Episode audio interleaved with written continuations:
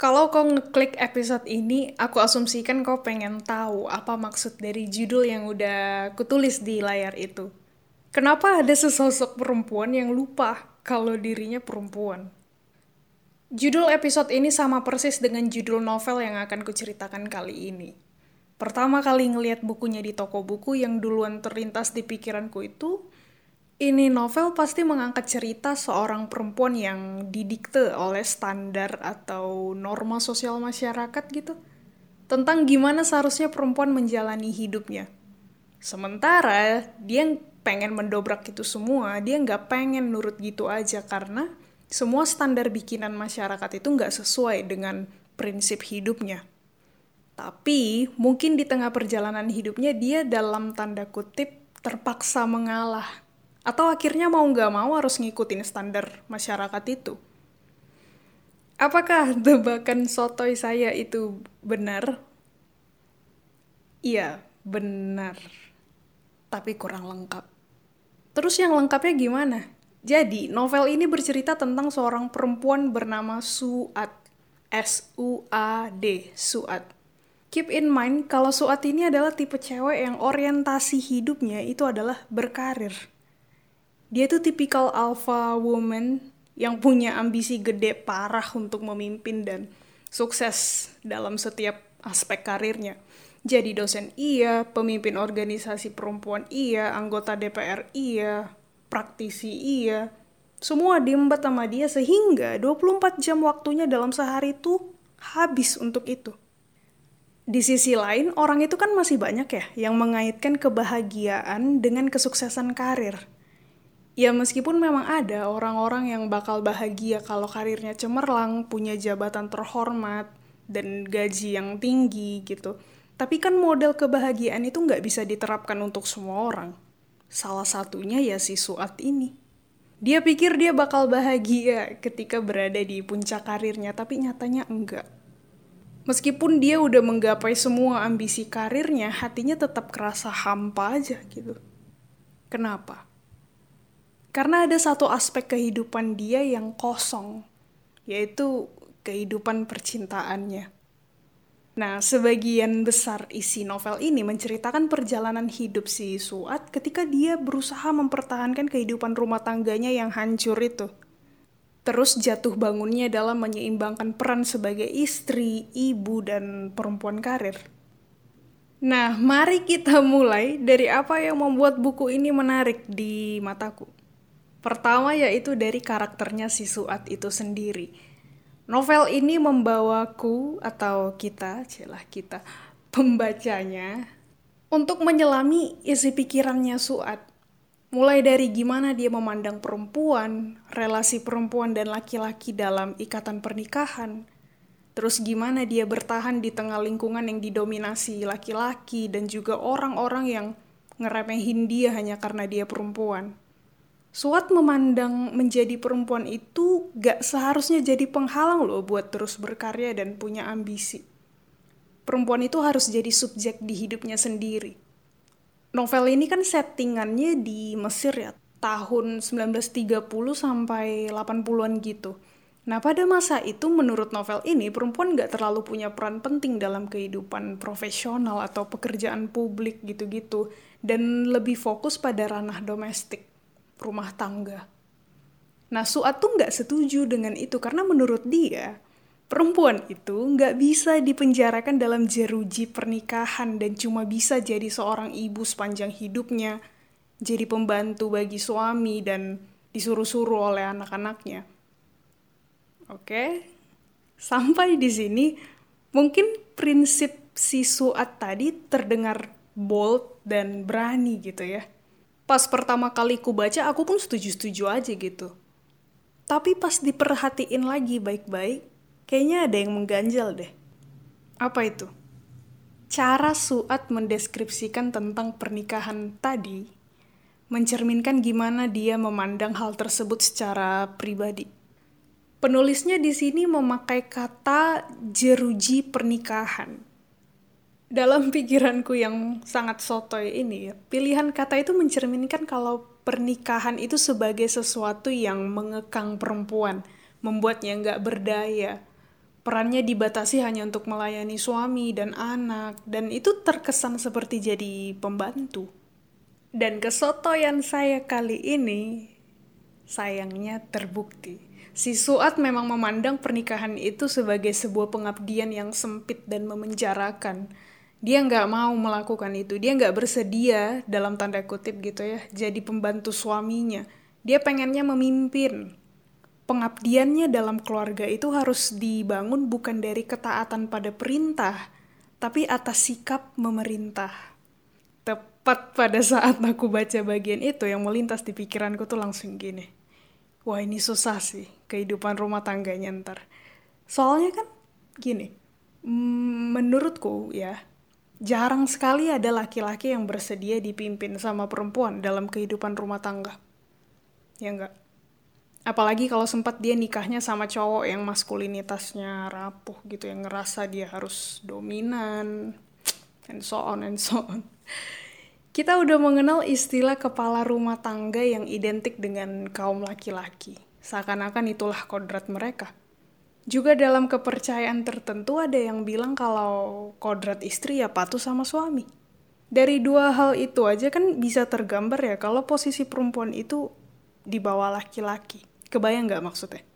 Nah, si Suat ini mau membalik itu semua, dia mau dirinya yang di atas. Dari narasi-narasi di buku ini dan gimana si penulis menggambarkan karakter Suat sih arahnya ke sana ya. Pernikahan yang dijalani si Suat dalam novel ini juga ternyata nggak mulus. Berantakan. Meskipun ya alasannya nggak cuma karena ambisi Suat yang pengen memimpin itu tadi, tapi juga gimana dia memprioritaskan pernikahan dan keluarga dibandingkan pekerjaannya. Sebenarnya aku bingung sih apa tujuan si penulis menulis novel ini. Apakah dia pengen bilang kalau perempuan yang punya ambisi di luar pernikahan itu berbahaya? Gak seharusnya perempuan mementingkan pekerjaan dan dirinya sendiri dibandingkan keluarga. Satu-satunya jalan kebahagiaan seorang perempuan itu ya adalah dengan menikah dan menjadi ibu. Atau atau dia mau bilang seakan-akan gini, ini loh dampak negatifnya kalau jadi feminis atau feminis garis keras. Apa pula tuh feminis garis keras?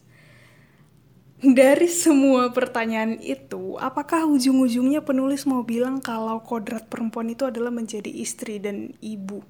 Dan jangan pernah berani melawan kodrat tersebut kalau kau nggak mau berakhir punya hidup yang hampa kayak Suat. Jujur sampai selesai baca novelnya juga aku nggak tahu sih arah si penulis ini mau ke mana. Sekarang coba perhatiin deh judul novelnya. Aku lupa bahwa aku perempuan. Dari judul itu berarti kan di sini ada seorang perempuan yang melakukan hal melenceng dari yang seharusnya dilakukan atau diharapkan dari perempuan. Dalam konteks Suat, dia diceritakan selalu menekan hasrat keperempuanannya demi mengejar ambisi karir. Tapi ujung-ujungnya dia ngerasa hampa karena kehidupan pribadinya berantakan, meskipun di sisi lain karirnya cemerlang pikiran-pikiran kayak gitu juga yang bikin aku dilema sepanjang baca novel ini. Di satu sisi sebagai pembaca aku merasa cara Suat memandang cinta, pernikahan, dan menjadi ibu tuh emang agak aneh dan gak lazim lah di masyarakat. Tapi, tapi permasalahan rumah tangga yang dia alami itu gak semata-mata hanya karena dia doang loh. Soalnya tuh gini, setiap kali Suat dan suaminya berantem misalnya, pemicu pertengkaran itu lebih sering digambarkan karena seorang istri yang cuek lah, egois, tidak melayani suami, dan lain-lain. Padahal, dalam beberapa adegan menurutku si suatu ya cuman stand up for herself aja gitu.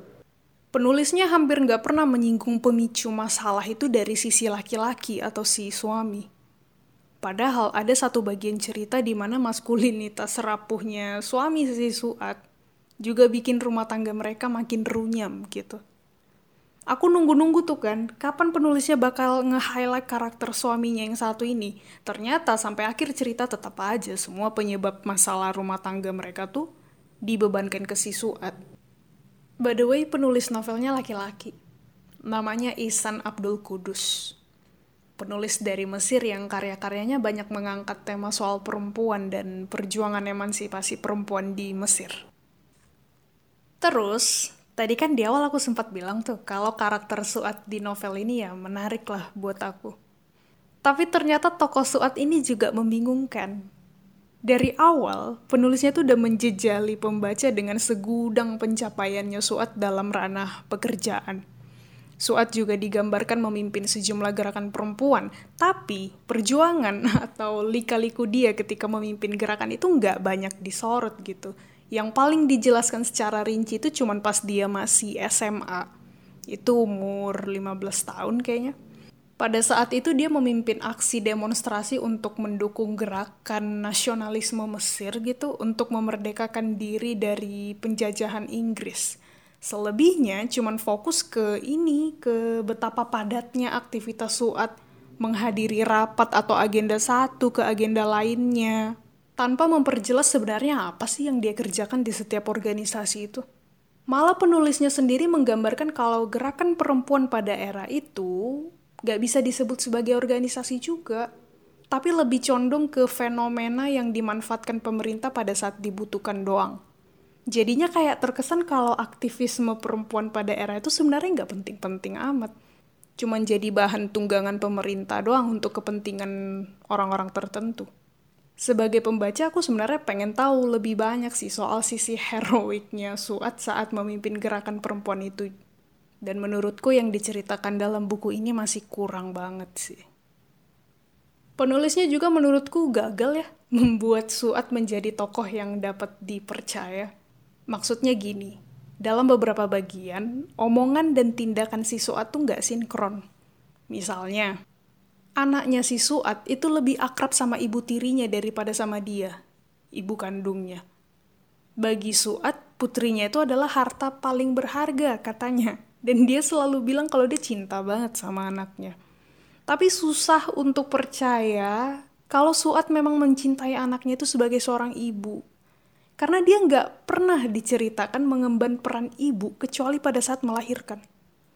Dia juga nggak pernah meluangkan waktunya untuk si anak, lebih fokus bekerja. Dengan track record seperti itu, dia masih nggak sadar juga loh kenapa anaknya lebih dekat sama orang lain daripada ibu kandungnya sendiri. Pembaca itu selalu dikasih narasi kalau Suat itu cinta banget sama anaknya, tapi kalau tanpa bukti gimana bisa percaya coba? Kalau baca novel biasanya aku bisa pro setidaknya 90% lah ke salah satu tokohnya. Tapi di novel satu ini bikin aku nggak bisa mendukung satu tokoh tertentu atau menyalahkan tokoh yang lainnya.